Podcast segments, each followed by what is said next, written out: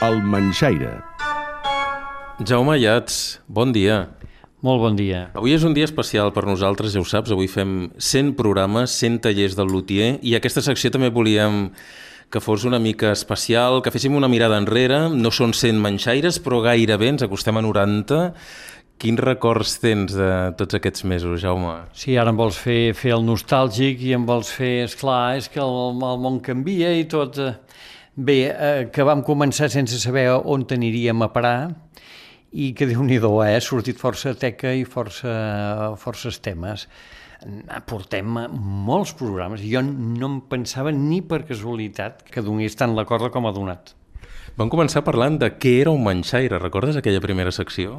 Sí, és clar, al principi eh, tenir quatre idees una mica divertides, interessants, eh, innovadores, eh, que era un manxaire, tothom m'ho demanava al museu, eh, ningú ho sabia, eh, les cordes catalanes, els catlins, que veníem de fer l'exposició del 1714, coses divertides, algun instrument especial, es veia que sí, que hi podia haver temes i que podien ser d'un cert interès. Però, esclar, llavors tu vas començar a demanar que n'hi hagués un, un per cada setmana i sense parar, i sen, tant si era hivern com estiu, tant, tant si estaves de bon humor com si no tenies gaire, gaire corda, doncs anar fent, anar fent temes i tornar demanant. La veritat és que les teves seccions ens han posat en general de molt bon humor perquè els temes eren molt curiosos, divertits. Has parlat de tot. Bé, hem parlat molt d'animals, oi? Clar, hem parlat d'animals perquè, perquè, bé, perquè els humans som animals i perquè la música està molt basat amb la matèria, eh, amb els instruments, amb tot, amb animals, però poder sí que he tingut més tendència, altres ho haurien fet eh, sense parlar-ne tant i parlant més de tècnica, sí. A mi m'han agradat els animals i per tant han sortit, eh, que si les vaques de, de, del Pirineu, del Pallars, a veure com reaccionaven amb, amb la música, o al costat han sortit eh, un animal viu que el fem servir d'instrument, una cosa que ens vam trobar en una exposició i que és molt, eh, molt sorprenent. Al costat han sortit eh, expressions sobre animals, l'orga de gats, com un animal es transforma en un instrument o un instrument fa veure que és un animal o finalment també, eh, ara recordo, la proteïna de llet com al museu s'han fet les tecles d'un clavicèmbal a partir de la proteïna de llet. Si haguéssim d'escollir un instrument, però el rei ha estat la guitarra.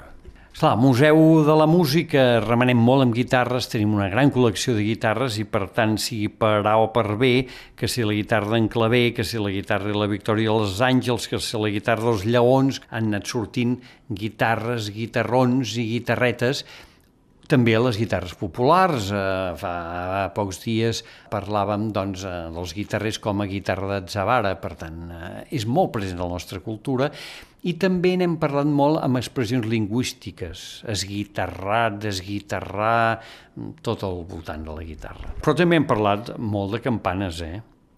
A mi m'agraden les campanes perquè estan en aquest límit que no sabem si són instruments o són eh, uns éssers mig simbòlics i mig eh, de senyals i per tant hem fet sortir campanes, hem fet sortir molts orgues, eh, que si orgues relacionats amb la guerra, que si el claviorga, que si l'orga de gats... Eh, esclar, al museu també tenim molts orgues i com que jo hi remeno eh, diàriament, doncs eh, és normal que surtin elements dels orgues.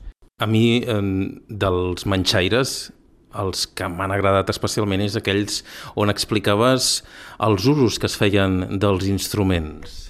Sí, eh, és clar, els instruments eh, per un cantó tenen vida pròpia i per un altre cantó eh, són instruments socials.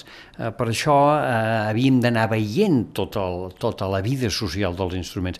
No es tracta de, de, de parlar de qüestions mecàniques o només de qüestions eh, tècniques dels instruments. Per això ja trobaràs altres col·laboradors que t'ho faran molt millor que jo i grans constructors que tenim al país i que venen eh, a treballar de fora. Ara bé, eh, quan l'instrument el veus com aquest ésser mig humanitzat, mig tècnic, és quan llavors se li pot treure el suc. I també hem parlat dels oficis, oi? Els oficis relacionats amb la música i els instruments. Jo no ho podia fer d'altra manera. El músic, els músics i músics, el, com els oficis estaven relacionats amb els instruments i amb fer música, en definitiva, explica com la nostra societat amb anys antics o anys més moderns, s'ha anat construint i s'ha anat eh, transformant. Per tant, els inventors d'instruments, els que remenaven fent música i coses una mica més inesperades, com pot ser tirar els pianos pel balcó, eh, de tant en tant també n'hem dit alguna, o instruments inesperats, el violí de bastó, el violí de bufa, mmm, tota una sèrie de varietat, també instruments humils, objectes, eh, diguem, la famosa ampolla d'anís. Eh, per què aquests objectes no poden ser tractats de manera divertida i alhora també donant els detalls tècnics eh, que fan referència al cas. O, per altre cantó, instruments exòtics, és clar, a vegades m'heu fet explicar viatges meus, eh, anècdotes, coses que no havia explicat fora del programa, com vaig anar als Pomer, les maraques dels Pomers, o la senyora que deia que li havien robat la veu, o altres elements eh, tecnològics o sorpreses, com les radiografies eh, que feien de discos. Hem fet una bona repassada, Jaume, no sé si n'has deixat algun, però en tot cas deixa'm dir als oients que tots els manxaires, tots, tots, aquests quasi 90, els poden trobar a través de la pàgina web del nostre programa. El que hem de dir és que deixem descansar el manxaire o el manxaire se'ns en va, no sé com, com puc dir això, Jaume. Sí, no m'heu no fet fora encara, eh? Ha sigut jo que he marxat prudentment abans no em féssiu fora, Me'n vaig una temporada, unes quantes setmanes, eh, físicament i per tant aprofito per fer unes certes vacances que després de 90 programes em sembla que ja tocava també. Però no te'n vas de vacances. Digues com si anessis al Carib de vacances. No és així. Digue-ho tot, Jaume. Me'n vaig d'unes vacances acadèmiques. Eh, per què dic vacances acadèmiques? Perquè hauré de pencar força. Eh, he estat convidat eh, per la Universitat de Chicago, als Estats Units, i vaig a, a, a fer classes, vaig a explicar polifonies mediterranis i he fet també intercanvis científics, però per mi, eh, què vols que et digui, per mi són unes certes vacances, és un privilegi, és una oportunitat, és un obrir durant unes setmanes una nova finestra i per tant eh, també m'ho prenc com unes vacances.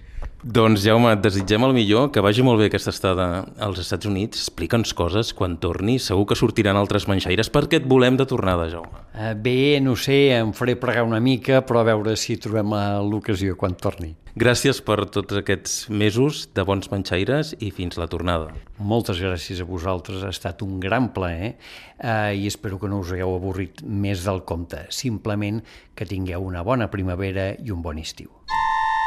La culpa és del manxaire.